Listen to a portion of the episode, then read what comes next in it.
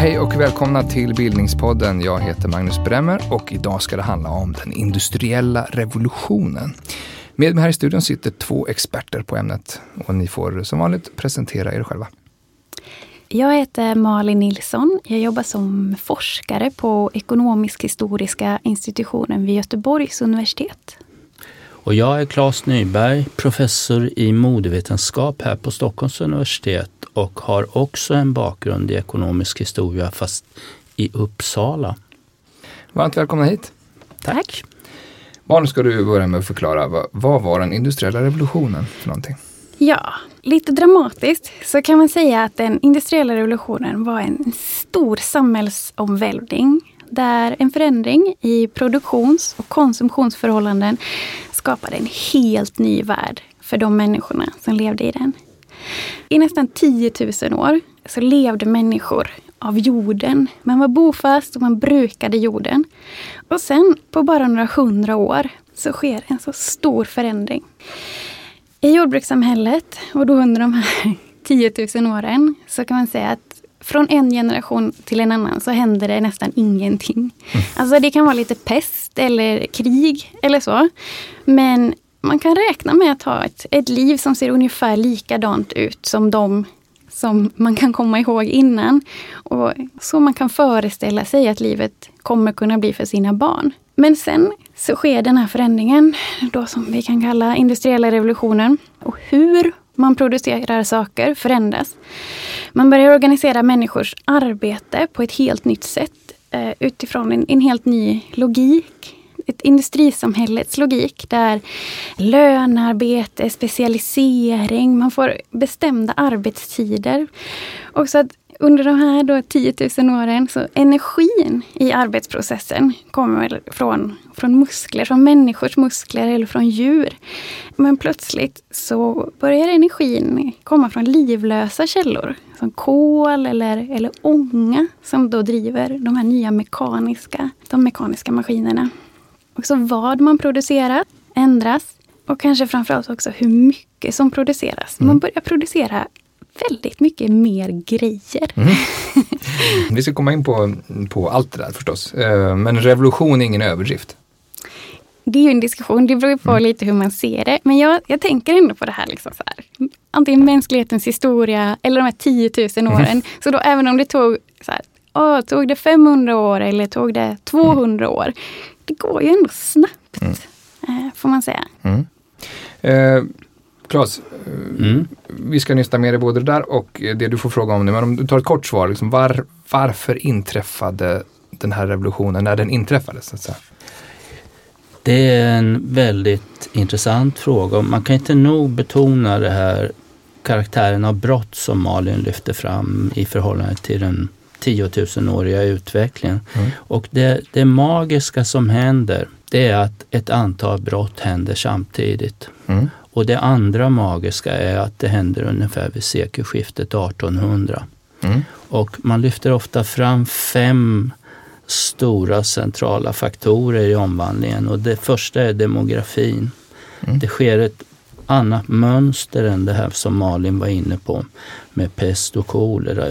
Istället för att befolkningen går upp och ner och ökar, den ökar men den ökar väldigt långsamt mm. från den så kallade neolitiska revolutionen. Vad som händer, ja, det är när människor blir bofasta och mm. börjar med jordbruk. Mm. Det är den första mm. stora revolutionen. Eh, men den ligger långt tillbaka i tiden.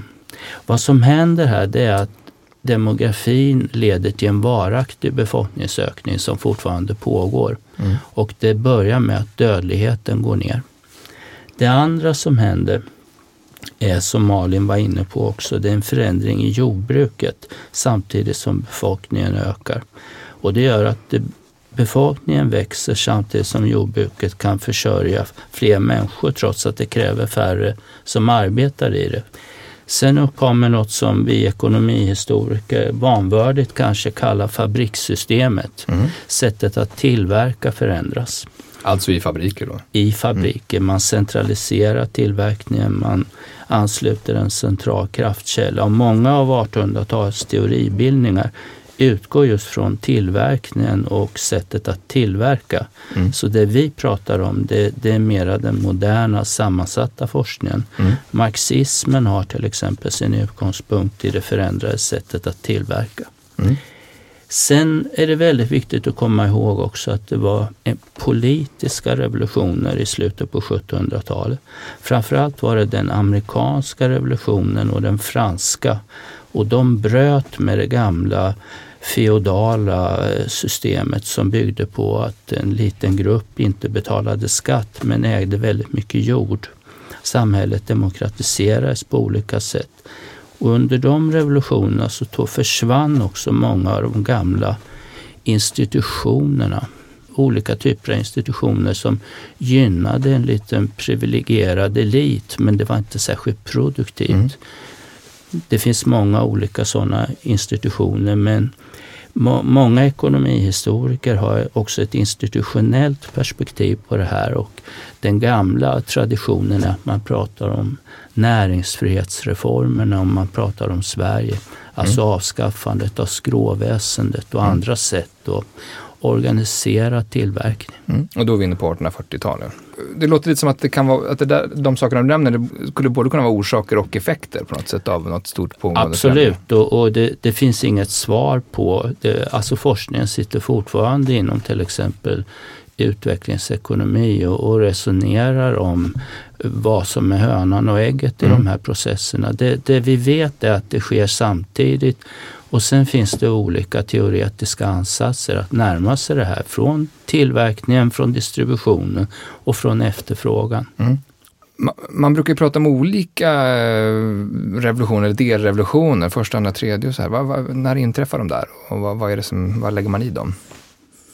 Ja, det är ju också en diskussion, men i Sverige i alla fall så brukar man väl prata om att den, de tidigaste sker från kanske 1750 eller 1790 Mm. Och då handlar det, Claes pratar om, om, om förändringar i jordbruket mm. som en stor del. Men ja, även politiska förändringar också. Och inte som en bakgrund utan som det är en del av den industriella revolutionen, att, att jord, jordbruket förändras?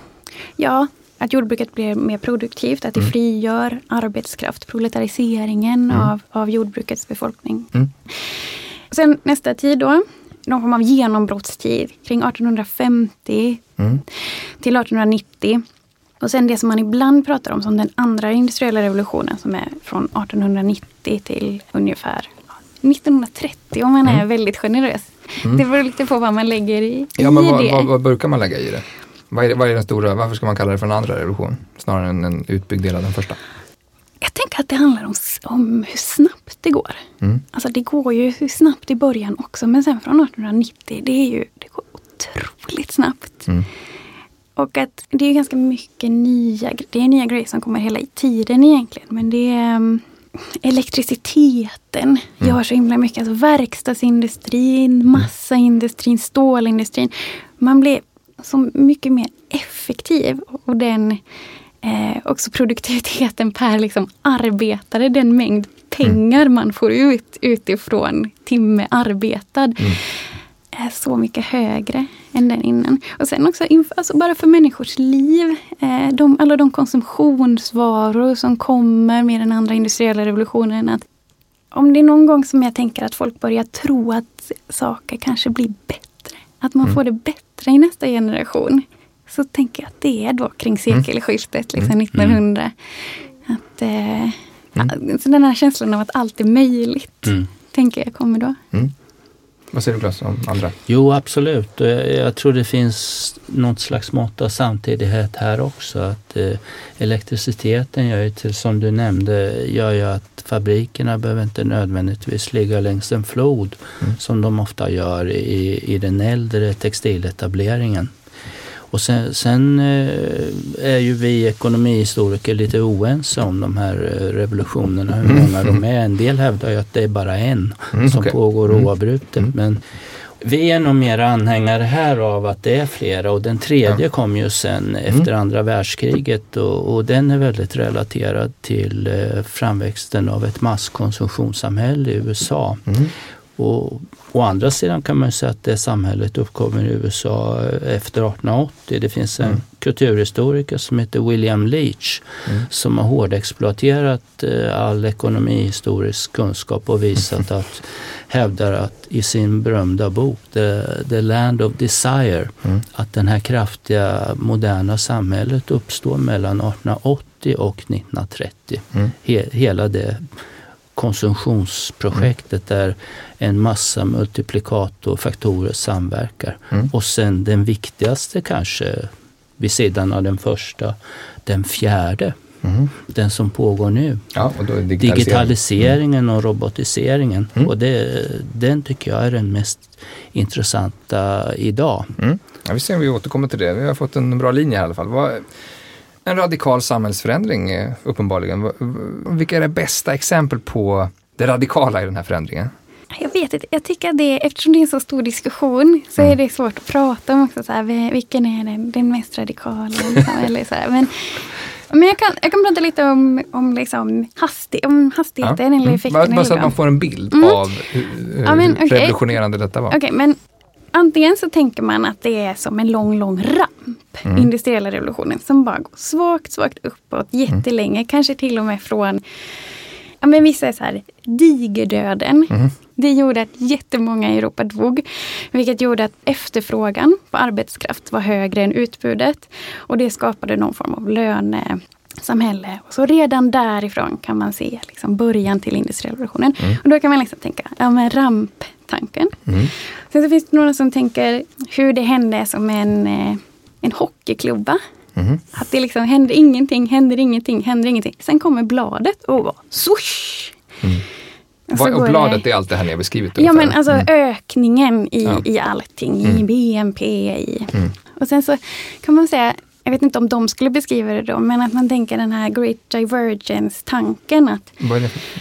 Um, ja, först händer ingenting, sen mm. händer ingenting och sen blir, så börjar det en delning. Mm. Där de rika länderna eh, skjuter ifrån och blir rikare och rikare och rikare. Medan fattiga länder då, alltså det sker en Ja, men som en, som en klyka, som en slangbella kanske. Mm. Eh, alltså liksom själva y-formen då. Mm. Att vissa går snarare neråt för att de ja, blir exploaterade och kolonial, av koloniala strukturer och så. Mm. Så för dem går det nästan ner, eller går det neråt. Mm. Och, eh, medan för de rikare går uppåt.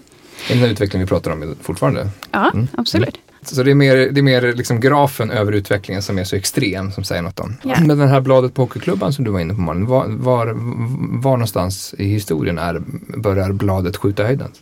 Sent 1800-tal kanske. Ja. ja det, det, är där Det, det är, där som Malin var inne på, det, mm. det är då allt det där händer. Ja, när det börjar gå så himla snabbt. Uttagen av energi och vi måste tänka på att jord, jorden är ungefär som ett äpple och atmosfären motsvarar äpplets skal. Mm. Och denna produktion leder till att det bara spyr ut eh, växthusgaser och andra saker mm. oavbrutet sedan den här tiden. Så att i den meningen så, så är också den moderna miljödebatten väldigt relevant. Särskilt sen oljan går om stenkolen mm. på 60-talet. Mm tekniska landvinningar har ni ju varit inne på det delvis, men det är ju, det är något man förknippar väldigt mycket med industriella revolutionen. Alltså, bara en sån sak som Spinning Jenny som ju brukar placeras i början där någonstans. Vad, vad, jag säga något kort om vad Spinning Jenny var för något?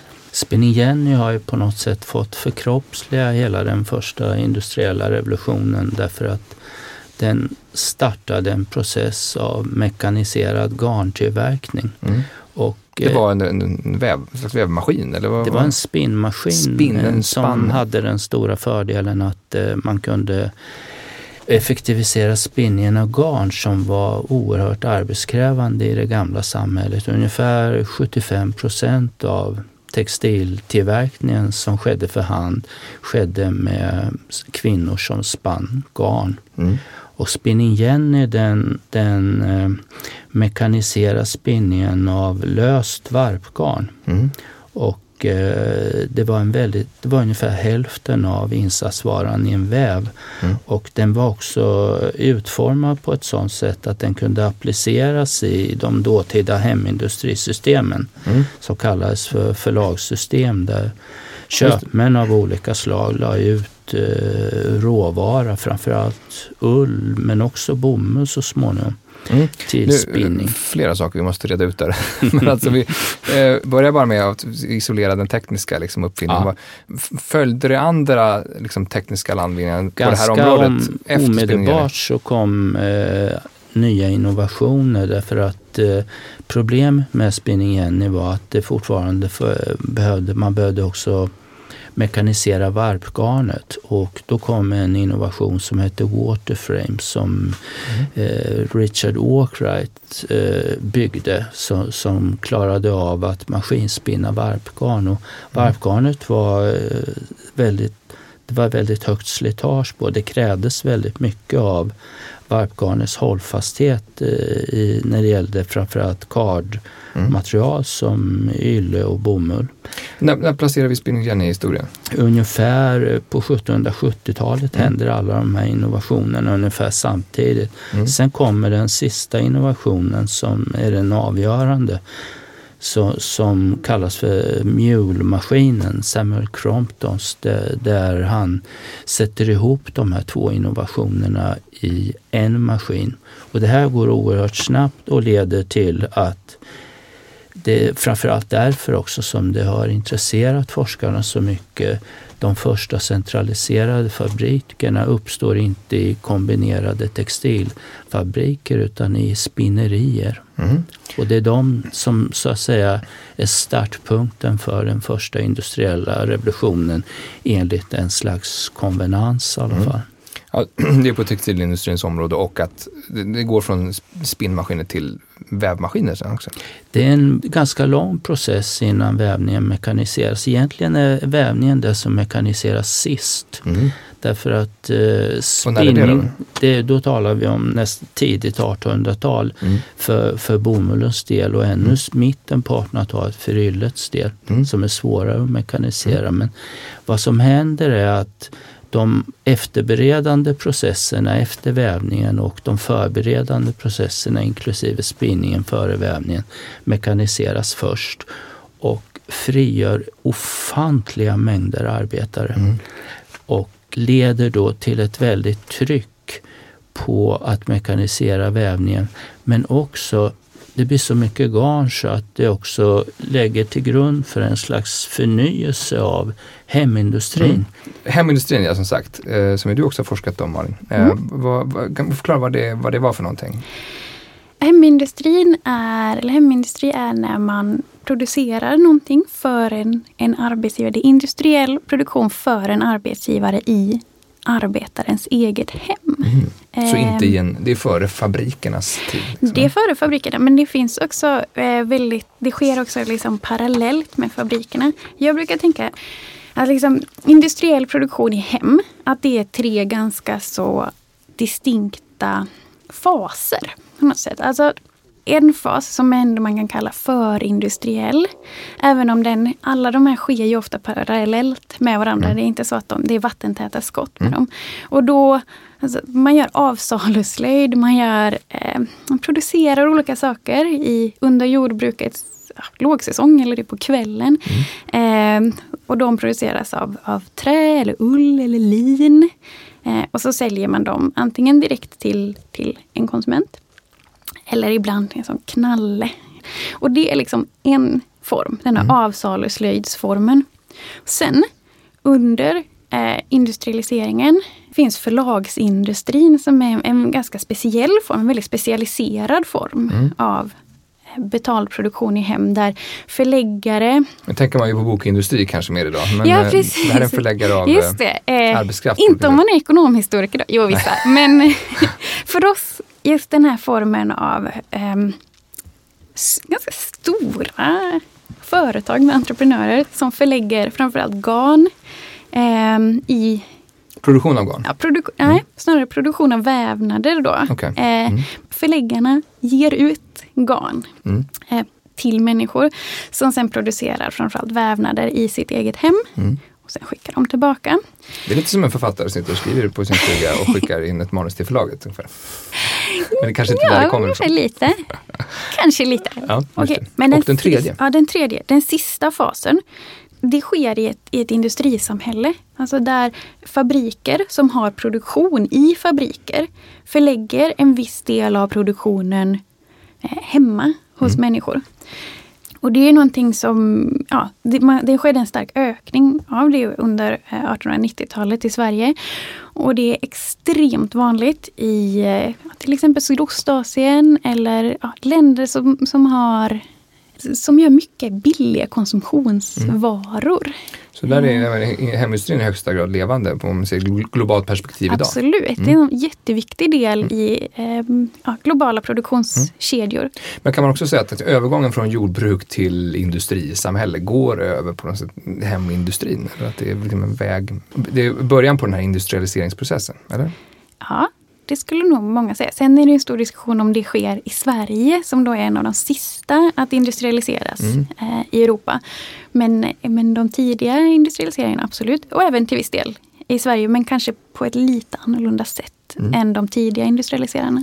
Men vad är, det som, vad är det som gör att man då tar steget från för viss produktion då, hemindustri till fabriker? Är det att eh, man, man vill effektivisera? Det Eller? är det frågan gäller. Ja, Det, det är det man inte vet utan det, forskningen har hållit på i 200 år och diskuterat vad centraliseringen beror på. De, en vanlig tradition är ju att man länkar centraliseringen till eh, införandet av ångmaskiner med centraliserad kraft. En annan, ja, ja så att man, man kunde inte ångmaskiner en annan diskussion tar upp den omfattande försnillningen i de här hemindustrisystemen. Där man alltså Försnillningen. Gömde undan eh, material, stal material. Det vägdes Jaha. till exempel när man lämnade. Då la man stenar i det för att det skulle bli tyngre och verka Mm. eh, fusk. Det var ett jättestort problem under 1800-talet. Och Mhm. Det var en sån där mekanism som vissa forskare menar var låg bakom den Man ökade centraliseringen. Mm. Men, Det är eh, en 1800-talsgenre också. Ja, i hög grad. Mm. Så, så att centralisering, vad, vad som är intressant var att man fann den också inte alltid. Det, det som Malin beskriver här, hemindustrin kom snarast tillbaka i sent 1800-tal med förnyad styrka. Mm. Och det berodde bland annat på att konfektionsindustrin växte så kraftigt medan textilindustrin mekaniserades allt mer. Så det är också känt att eh, verkstadsindustrin den lätta Plaggen snarare än tygerna. Ja. Mm. Mm. Färdigsydda kläder var en Mm. innovation som Mm. kom ganska sent. Mm. Det var en strider om Mm. sådana saker fortfarande under tidigt 1800-tal. Det var Mm. förbjudet att sälja färdigsydda kläder. Om, om man tänker fortsättningsvis i den här eh, revolutionen, vad, vad, hur, hur, hur lägger vi in eh, urbaniseringen i den här kalkylen? Den är ju ett 1800-talsfenomen i hög grad men det är väldigt stora skillnader mellan olika länder. Mm. Och eh, framförallt är urbaniseringen hög i England och det har ju ofta tagits som intäkt för att eh, industrialiseringen var först där och spreds till Europa och sen så småningom USA och i viss mån Japan. Men är det en del av centraliseringen av industrin? också? Urbaniseringen? Mm. Nej, det skulle jag inte säga. Må- många industrier låg i städerna Mm. eh, under 1700 och 1800-talet. Men det berodde egentligen mera på att städerna gynnades politiskt. Mhm. När, när de tvångsmekanismerna minskade så, så lokaliserades de snarare till landsbygden. Så var det till exempel att de så kallade manufakturerna, texti- de förindustriella textilfabrikerna, de var tvungna att ligga i städerna. Men de nya bomullsspinnerierna låg nästan alltid på landsbygden. Mm. Men urbaniseringen kan man säga var särpräglad i England och sen låg det ett sjok av länder med Frankrike främst som, som, som var mindre urbaniserade men som hade en hög urbaniseringsgrad. Och sen länder som Skandinavien och USA och andra, de hade låg urbaniseringsgrad. Mm. Så, så, det det är två fortfarande olika saker, i, i så. 1800, s- andra halvan av 1800-talet. Jag tror 1930 så i rena antal så övergår eh, städernas befolkning eh, större än land, landsbygdens befolkning. Så det är långt I Sverige fram alltså? i Sverige. Mm. Precis, det är ganska långt fram i tiden. Men självklart så sker det en, en urbanisering liksom från 1800-talet. Och det, det är framförallt eh, kvinnor, unga kvinnor som lämnar landsbygden. Alltså det finns ju många teorier om varför de lämnar Mm. men de, det är nästan mest så att man tänker att det är de här unga kvinnorna hade det sämst Mm. på landsbygden. De gick upp tidigast och sen så kunde de inte gå och lägga sig förrän alla andra i hushållet hade gjort klart Mm. eh, sitt jobb. Och, eh, så de flyttade in till städerna och i vissa fall tog, tog industrijobb eller jobbade som, som tjänstefolk i Mm. städerna. Men det var humanare att jobba som tjänstefolk i staden än att vara piga på landet. Jag vet inte riktigt men jag tänka alltså staden erbjöd ju också en viss frihet som landsbygden eh, inte gjorde med den liksom, patriarkala övervakningen. Mm. Men en sak som jag också tycker är intressant, för då tänker man ju om, om alla tjejer flyttar in till, eh, till städerna, Mm. vad, då måste det vara en, en uppenbart överskott Mm. av tjejer i städerna. Då tänker man, ville de träffa någon? Mm. Ville de gifta sig? Nej, det kanske de inte ville. Mm. För att i mitten av 1800-talet i vissa svenska städer så finns det jättemånga hushåll som, med ensamstående kvinnor Mm. eller kvinnor med barn. Dels änkor men också ogifta Mm. kvinnor med eller utan barn. I vissa städer så var 50 procent av alla hushållen ledda av en kvinna. Mm. Hade ingen manlig försörjare eller sånt i. Ehm, 15 procent av ensamhushållen är manliga. Eh, head of households. Så det betyder alltså att 25 procent av den befolkningen i städerna lever enligt någon form av så, eh, jag vet inte, kärnfamiljsideal. Mm. Det är väldigt lite. Mm. Jag tror man, alltså, en slags sinnebild för eh, uh, den industriella revolutionens miljöer är väl liksom industrin, fabriken, eh, finns jag menar, i, i England och eh, Frankrike kanske framförallt. Kan ni beskriva liksom, hur såg den där miljön ut? Eh, och vilka typer av industrier handlade det om? Så?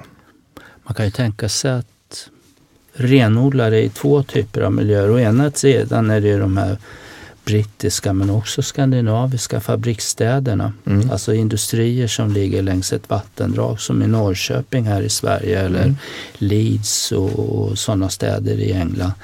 Den andra metaforen för förhållandena i industrin som inkluderar den här kraftiga ökningen av hemindustri som Malin är inne på, det är ju sweatshops. Sweatshops. Det är en industri som inte alls bygger på några särskilda lokaler som ryms i vanliga lägenheter och jag skulle fråga mig om inte den är mer betydelsefull än fabrikerna. Mm. He hela dynamiken i den här utvecklingen bärs upp av klädtillverkningen i Sverige och många andra länder. Emigranterna i New York sitter i hundratusentals på Manhattan och Är det en del av hemindustrin? Liksom? Ja, det, det är kombinerad hemindustri och sweatshops. Okej. För sweatshops bygger alltid, nu, nu schabloniserar jag för jag är inte expert på samma sätt som Malin här, men man brukar säga att grovt sett så är mer eller mindre i snitt alltid arbetsstyrkan på ungefär 20 procent även i sweatshop-systemen. Mm. Och idag så eh, under den fjärde industriella revolutionen så är sweatshop-systemet nästan benämningen på modeindustrins arbetsförhållanden Okej. vid sidan av eh, fabrikerna. Så Mm. det, det är två Vi metaforer. får låta experten fylla i här istället. Men, Jag är inte expert på sweatshops men om jag kan, jag kan sweatshops skillnaden mellan hemindustrin, eller de överlappar ju, men det är just att ehm, det är människors hem eller lägenheter eller någon källarlokal och så. Men det är oftast en person som anställer andra. mm. Eh, så att man, eh, ja nu är det inte alltid man har ett kontrakt men i hemindustrin heller. Men då är ofta man har någon form av kontrakt med Mm. själva fabriken, arbetsgivaren. Medan i sweatshop-systemet så är det en, en, den som liksom basar över själva verkstaden kan man kalla dem också. Ja, det är det är små liksom lite mindre- verkstäder. mindre det är mindre informella, Mm. oreglerade. Mm. det, enheter. Det är inte bara de här enorma fabrikskomplexen och de här eh, tegelradhusen i England lite grann som Sweatshops är nästan alltid eh, liksom decentraliserade, mm. små, små enheter. Mm. Så att man är Men inte på fabriksgolvet. Ofta knutna i nätverk till mm. producenter. Så mm. Det där måste man undersöka för att se om det är saker bredvid varandra eller om mm. de hör ihop i, i, olika typer av nätverk. Jag tänker när, de här, när det här, liksom, de här fenomenen, de här platserna växer fram, vilka är det som arbetar i industrin då? Det är en väldigt segregerad arbetsmarknad. Mm. Så att kvinnor och barn jobbar i textilindustrin och män jobbar i ja, mer i skog, gruvor, mm. eh, mekaniska verkstäder som har någon form av Alltså i, vid den allra tid, tidigt 1800-tal så var mekaniska verkstäder väldigt vanliga. Mm. Eh, men de var, de var inte jättespecialiserade. De gjorde typ de kunde göra stekpannor och stegar. Mm. Mm. Eh, så de, det var inte så att de gjorde en specialiserad sak utan det var snarare så att de, de gjorde lite grejer mm. i metall. Tänker jag. Men hur var det när, när, själva, när själva, alltså när de här maskinerna började komma? Hur, vilken typ av arbetskraft ersatte de? Hur förhöll man sig till vem som utförde det arbetet? Ja, men en intressant som jag, sak som jag tänker som har med Spinning Jenny att göra mm. också. Mm. Det finns en, en framstående teori mm. kring varför industrialiseringen hände just i England. Mm. Och det är, det är av en, en professor, ekonomihistorikern Bob Allen.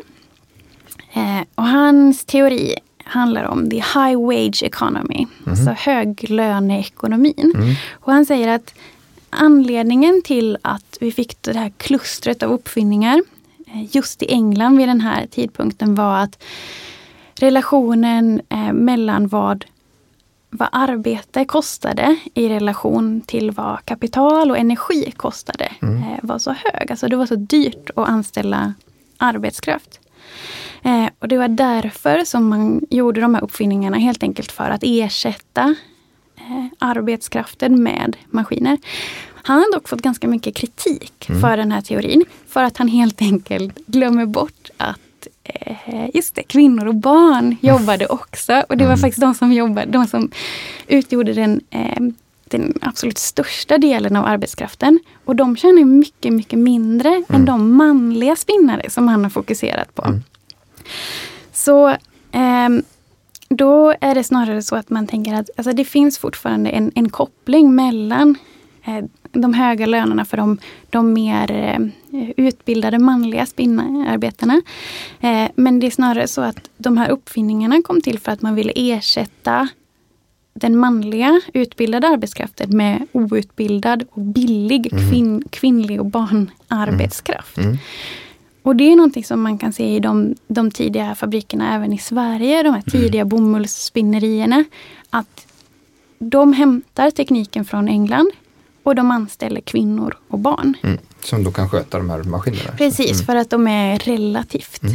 eh, enkla. För, förändras det där över tid? Alltså blir maskinerna mer komplicerade och den där balansen förändras på något sätt? Eller hur ser det ut?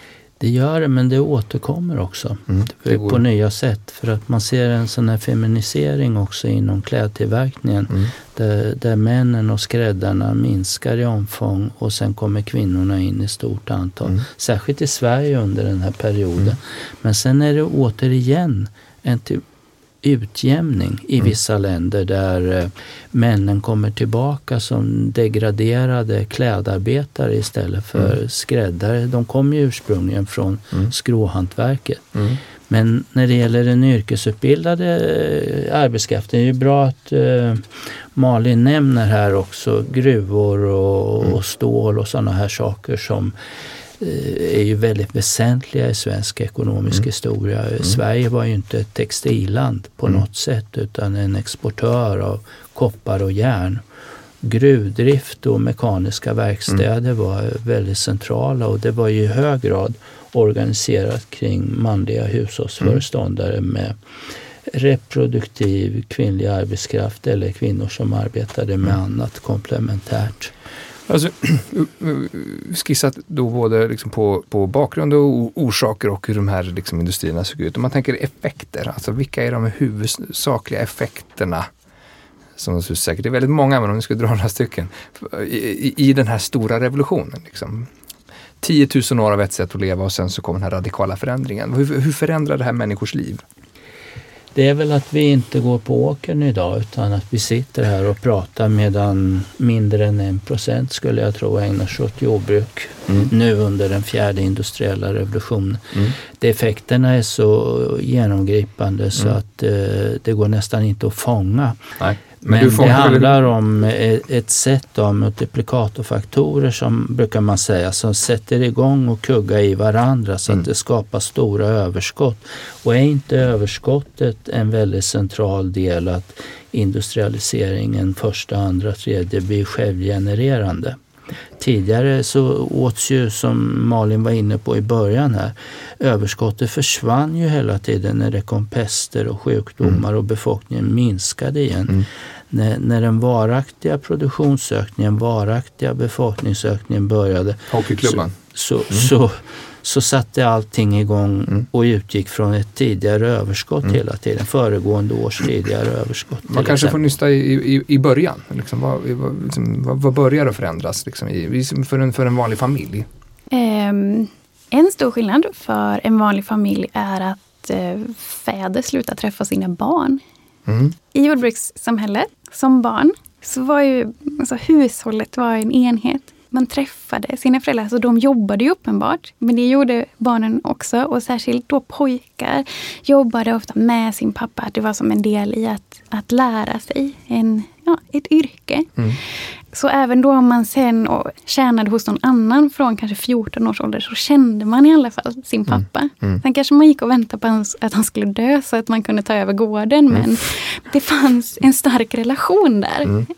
Det var men en annan sorts problem, men du är ute efter en ja, annan utveckling. Men då i industrisamhället när plötsligt män får den rollen av, av familjeförsörjare och eh, det sker en separation mellan hem och arbetsplats, även om vi då alla vet att man arbetar även i hem. Mm. Men för män så är de ju plötsligt borta från sin familj.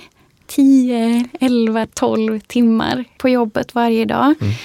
Vilket gör att de känner inte sin familj mm. eh, lika bra som innan, eller kanske alls. Mm. Plus att man brukar kalla det för, breadwinner frailty. Alltså att. Alltså den som, äh, sköra familjer, eller skör, försörjarskörhet. Mm. Ja, precis. Att det är en väldigt utsatt situation om man är som familj helt beroende av en persons mm. inkomst. Mm. Det är jobbigt även för den som är den försörjaren. Mm. Plus att den här befolkningsökningen som alltså gör att barnen överlever, det är att man plötsligt har ganska mycket större familjer mm. att försörja. Vilket gör att man måste, måste jobba ännu mer och det är en stark mm. press på det. det. det. där känns ju som väldigt traditionella könsroller som börjar skapas här. Hur mycket av, av liksom de normerna skulle du säga skapas av den här industrialiseringsprocessen? Det, både och, för det beror lite på vilka normer. Om man tänker den här bilden av hemmafrun och den manliga försörjaren, mm. så absolut så, så skapas den då. Men det är också en, en historisk anomali, mm. det här med en manlig försörjare och en, en kvinna som utför obetalt arbete mm. ensam mm. hemma. Mm. Eh, på något hur, sätt. Menar, hur menar du? Att ja, men, I Sverige, eller i norra Europa i alla fall, och även på andra ställen. Men har det funnits starkt tvåförsörjarideal? Åtminstone sen ja, under tidig modern tid mm. kan vi säga. Mm. Alltså att det finns en tradition av att kvinnor och män eh, jobbar tillsammans mm. i hushållet, både i hantverkarfamiljer och i, i bondefamiljer. Eh, det, det, finns en arbetsdelning självklart. Men det är ändå så att två vuxna individer förutsätts att arbeta på ja, mer eller mindre lika villkor. Mm. Får man nog säga. Och sen då med industriella revolutionen så sker tanken på något sätt om att det finns produktivt och icke-produktivt eller reproduktivt mm. arbete. Mm. Eh, och att, att en person då utför mm. eh, ett arbete som betalas i pengar och därmed skulle värderas högre än det mm. som inte mm. eh, direkt gör det. Har man också kunnat se att, att i forskningen att, att eh, jag menar, skilsmässor blir vanligare, män som tappar kopplingen till sin familj och relation till barnen. Har man liksom studerat det? Ja, absolut. Mm. Alltså, skilsmässor regleras av lite andra eh, ja, grejer. Men, men framförallt alltså att, att män sticker Mm. Eh, är absolut någonting som, som ökar. Mm. Sen så fanns det ensamstående mödrar såklart, även i jordbrukssamhället. Alltså jag menar inte mm. att det var så härligt då heller och att alla levde på lika villkor. Men just sårbarheten mm. eh, någonstans. Kanske att alieneringen mellan, mm. även mellan män och hustrur. Att man mm. inte, bara för att man inte träffar varandra, man arbetar inte tillsammans. Mm. Man har inte den basen för sin relation. Mm. Där man är som en en enhet som, ja, som binds samman då inte bara att, av att eh, man typ gillar varandra eller har mm. barn ihop. Mm. Utan för att man faktiskt driver en, en liten mm. produktions och konsumtionsenhet ihop. Mm. Då är äktenskapet hänger ihop också ihop med yrket på ett annat sätt. Absolut. Mm. Jag menar att, ja, att äktenskapet är ja, men verkligen någonting som hänger ihop med försörjning. Ja. Mm. Mm. Här är man inne på något som både talar om man vill effektivisera samhället på massa olika sätt i den här revolutionen, men, men det blir också mer sårbart på andra sätt. Vad finns, det, finns det mer exempel på det där? Det, det finns ju också en väldigt stark ideologibildning under 1800-talet eh, riktad mot kvinnan som som, som svag när, när den här kraftiga ökningen av hemarbete och sweatshops och mm. fabriker ökar. Urbaniseringen blir väldigt kraftig. Det finns en forskare som heter Judy Coffin som beskriver det här för fransk del och de, de här frågorna eh, då diskuterar eh, olika publicister och politiker och teoretiker om de här samhällsordningarna som lite har brutit samman med industrialiseringen. Och då finns det en sån här tendens som, som betonar kvinnor som svaga, som, mm. som får inte ansträngas, eh, får inte jobba 12 timmar om dagen i, i syfabriker. Mm. Och då uppstår någonting som heter skyddslagstiftningen kring sekelskiftet som innebär att eh, kvinnors arbetstid begränsas. Mm. Eh, och det, det, är ett generellt internationellt fenomen och vissa forskare menar att det förstärker hemindustrisystemet därför att då kontrollanterna är nämligen inriktade på de formella fabrikerna och mm. då, då blir hemindustrin ett kompletterande mm. element för, mm. för arbetsgivarna att uh, man går hem och fortsätter jobba hemma. Mm. Du som har studerat hemindustrins kvinnovana, är det något, är det något du ser att uh, Ja, men alltså just med arbetsskyddslagstiftningen. Det är faktiskt så att i den svenska arbetsskyddslagstiftningen så finns hemindustriarbetarna med i förslaget som, som ska läggas upp mm. som själva lagförslaget. Och det är helt liksom, det är ett utarbetat förslag och det finns med hela vägen tills det ska egentligen klubbas igenom. Eh, okay, jag vet faktiskt ärligt talat inte vad som händer men det finns inte med sen. Och en av diskussions... Det finns någon, jag har sett något diskussionsprotokoll här i det och det är så här. Hemindustrin är jättestor, vi vet det. Mm. Men eh, alltså vi kan inte börja reglera saker i människors hem. Mm. Hemmet är en helig plats. Mm. Det är en plats för mm. icke-arbete. Hur skulle det se ut? Om vi skulle börja liksom komma med mm. pekpinnar kring vad folk kan göra i sina egna hem. Och det, det tänker jag också är alltså där i slutet av 1800-talet. Att det är en tydlig skildring av hur hemmet då plötsligt har blivit någon form av, alltså någonting annat. Mm. mm. Det har blivit ett en hem. idé, ett hem precis. En idé och det ska vara så trevligt. Och det är mycket av debatten kring hemindustrin också, att man vill rädda de här kvinnorna eh, från industrialismens mm. fasor. Mm. Och det det sker till exempel hemindustriutställningar i alla stora europeiska städer. Mm. I Stockholm, i London, i Paris, i Berlin. Mm. Då kan liksom ett borgerskap upprört gå och titta på de här hem... Alltså, de har liksom byggt upp scener med hemarbetare. Mm. Som ett liksom varnande exempel? Eller? Ja, mm. och så står det så här, det här hon gör såna här grejer, hon tjänar så här lite. Mm. Och så det, det, var en propaganda för att förbjuda hemindustrin. Mm. Um, men mycket av argumentationen kring det är just det här också att ah, kvinnor ska vara mödrar och mm. de ska vara hustrur och istället så kommer industrin in i det allra heligaste. Mm. Så det, här sker gradvis under hela industriella revolutionen kan man säga. Kvinnor blir mer och mer fast i hemmet. Kring, kring sekelskiftet 1900 mm. då kommer ju också de här, i många länder, de här hemindustriutredningarna där mm. Sverige har en stor hemindustriutredning. Mm. Och det är ett internationellt fenomen där man kartlägger i detalj, precis som du säger, de här. Och man vet hur många de är, vad de gör, tror man. Mm. Därför att i själva verket så är det här samtidigt Eh, en slags dold men det väsentliga eh, tycker jag som, som kopplat till det du sa är just det här att hemmet blir ett hem för första gången för den här gruppen. Därför att hushållet har varit en produktionsenhet i princip. Även om fabrikerna kom, även om industrialiseringen kom så organiserades arbetet länge inom stora, hu mm. stora hushåll som inte var mm. kärnfamiljer utan som var mycket större. Mm. Vi inkluderade drängar och pigor och mm. farmödrar och mormödrar. Mm. Och när det här kom så det, det är ett ideologiskt brott som många forskare mm. pekar på mm. under den här tiden. Trots att hemarbetarna paradoxalt mm. nog ökar och finns kvar så länge som du sa. Mm. Om, vi, om vi talar om liksom hela systemets, det nya systemets sårbarhet så finns det också ett exempel som du är intresserad för Malin, bomullssvälten. Kan du inte förklara vad det var för någonting?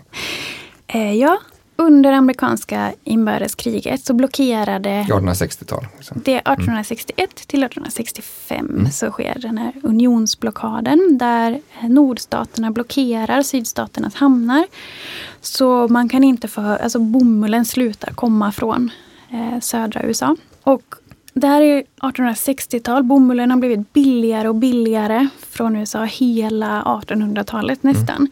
Bomullsindustrin är på någon form av höjdpunkt. Mm. Det var en slavindustri också på många sätt. Eller ja, absolut. Mm. Alltså, det är ju bomull som kommer från slavekonomin. Mm. Helt och hållet från södra USA. Och stora regioner, framförallt och ja, egentligen mest i England, är helt beroende av bomullsindustrin. För det är det huvudsakliga materialet i kläder, vid den här, eller i tyger, i den här tiden? För massproduktion av ja. den här typen. Ja. Mm. Så bomullen slutar komma väldigt tvärt mm. egentligen. Och det här slår jättehårt mot de stora bomullsdistrikten. Det, det vanligaste exemplet man brukar prata om är Lancashire i nordvästra England. Där en halv miljon människor är sysselsatta mm. i bomullsindustrin och väldigt ofta hela familjer eh, sysselsatta i bomullsindustrin. På fabrikerna då? På mm. fabrikerna men också då också till viss mm. del i, i hemindustriarbete. Mm. Men det här det är ju på något sätt textilindustrialiseringens framkant i mm, mm. Så det är en, ett ganska centraliserat system. Mm, mm. Men bomullen slutar komma och väldigt snabbt så blir det massarbetslöshet. Människor svälter. Hur länge, på, hur länge pågick den här blockaden? 1861 till 1865. Ja, det är under hela kriget? Ja, mm. så det, det är en, en relativt lång mm. period. Och även i Sverige så har vi inte så riktigt så stora textildistrikt eh, än vid den här tiden. Men bomull är Sveriges största importvara mm. vid den här tiden och 70 procent av bomullen kommer från USA. Mm. Um, och det distriktet som, som kanske i Sverige i alla fall mest liknar Lancashire, även om det inte alls är på samma skala, är Sjuhäradsbygden mm. utanför Borås. Där väldigt många, både i hem men även till viss del i fabriker, är sysselsatta eh, med att, att väva. Framförallt mm. bomullsvävnader. Mm. Och de förlorar jobben väldigt, i väldigt, väldigt stor mm. utsträckning. Precis som i Lancashire. Bomullen slutar komma och väldigt, väldigt snabbt mm. är det mass arbetslöshet. För att det här är ju liksom då tidiga exempel på hur regioner specialiserar sig så mycket så att man, mm. det finns inte så många andra näringsverksamheter att ägna sig åt. Mm. Sjuhärad dessutom, så som många mång, så förlagsindustri som Klas mm. det är dåligt jordbruk där. Det är liksom mm. inte så att man bara, nu kan vi bruka jorden. Nej, det. det. är mm. dessutom så att alltså, proletariseringen av jordbrukets befolkning har gjort att det är inte så många som äger eh, mm. jord. Så man kan inte ställa om sin arbetskraft. Både Lancashire och Sjuhäradsbygden repar sig sen eller efter att bonden börjar komma tillbaka? Ja, inte Sjuhärad. jo, men det gör de ju till viss del för att efter några år så ställer de om till fabriksproduktion. Mm. Men hemvävnaden som då på 1860, man producerar ungefär lika många fot mm. bomullsväv i hem som i fabriker. Mm. Eh, tidigt, ja, 1860. Och båda, både fabriksproduktion och hemproduktion av bomullsvävnad går ner dramatiskt. Alltså den, den dyker med Mm. bomulls, eh, med blockaden. Men skillnaden är att, att hemindustrin, hem, eller hemvävnaden då hämtar sig aldrig Mm. riktigt. Utan den är, och det är inte bara blockadens fel utan det handlar om teknisk utveckling i, Mm. eh, i fabriksindustrin Mm. också. Men Mm. det är verkligen så att de, alltså hemvävarna, de måste göra någonting annat Mm. efter. Tiden går snabbt, den börjar ta slut här. Men alltså, ni, vi pratar om alla dessa olika generationer och den fjärde och digitaliseringen och så vidare. Men skulle, man kunna, skulle ni säga att den industriella revolutionen i någon slags samlad bemärkelse fortfarande pågår? Ja, Ja. och, och, eh, varför? Alltså, finns, det, finns det trådar från den här tidiga 1700-talets första vågen liksom, eh, som, som löper hela vägen fram? Fortfarande, fortfarande utvecklas liksom? Ja, men jag tänker att det lite ligger i vårt yrke också. Här, att, att tro att historien spelar roll och att det Mm. finns liksom en kontinuitet i, i allting. Mm. Eh, ja, det är svårt att förklara nutida fenomen utan att förstå. men jag, jag tycker mig se det i, i den här länken mellan eh, kläd och textilindustrin. Och Mm. textilindustrin kom ju på ett plan först. Klädindustrin industrialiserades sist på grund av den här eh, mångsidiga karaktären. Att det, den bygger fortfarande på billig arbetskraft på ett sätt som de flesta branscher har lämnat. Och man har försökt teoretisera det här utifrån ett begrepp som heter flexible specialization som ursprungligen var ett sätt att förklara varför inte alla industrier under 1700 och 1800-talet blev storskaliga centraliserade fabrikssystem. Utan till exempel eh, bestick, alltså cutlery, met, lätt metallurgi, lätt verkstadsindustri förblev småskalig. Och fördelen med det var att man kunde öka och minska omfattningen mycket lättare än om man bedrev verksamheten i en centraliserad fabrik. Mm. Det här har sedan överförts till 1900-talets klädindustri för Mm. att förstå system med flexible specialization i Nordamerika och andra eh, miljöer där den har varit jättestor. Mm. Och eh, den industrialisering som sker nu med den enorma produktionsökning som har varit under sen säg 1980. Mm. Där ser man hur den samlade exporten av textilier har ungefär årsexporten totalt sett har fördubblats idag jämfört med 1980 i fasta Mm. priser medan klädindustrin har två, tvådubblats. Mm. Och det beror på den här industrialiseringen och den internationella avregleringen. Det låter uppenbarligen som att både utmaningar och problem eh, eh, är liksom intakta från den tidiga industriella revolutionen. Vad, Mycket. skulle ni säga, vad, vad kan vi lära oss av historien som avslutning? Vi har mycket att lära, till exempel, man ser ju att det här eh, repressiva karaktären i den tidiga industriella revolutionen lever i hög grad kvar i, eh, i Sydostasien. Eh, Textil och klädarbetare lever under fruktansvärda förhållanden men bilden är komplex. Dels så finns det en, det finns en väldigt intressant bangladeshisk forskare som har studerat kvinnor i Bangladesh och, och gjort intervjustudier. De är ju flera miljoner alltså Mm. klädarbetare bara i det landet. Mm. Och hon har intervjuat kvinnor och visat dels sådana som arbetar som klädarbetare i Bangladesh, dels sådana som kommer från Bangladesh och deltar i den här stora internationella migrationen av sweatshoparbetare över världen. Det är ju hundratals miljoner människor det handlar om.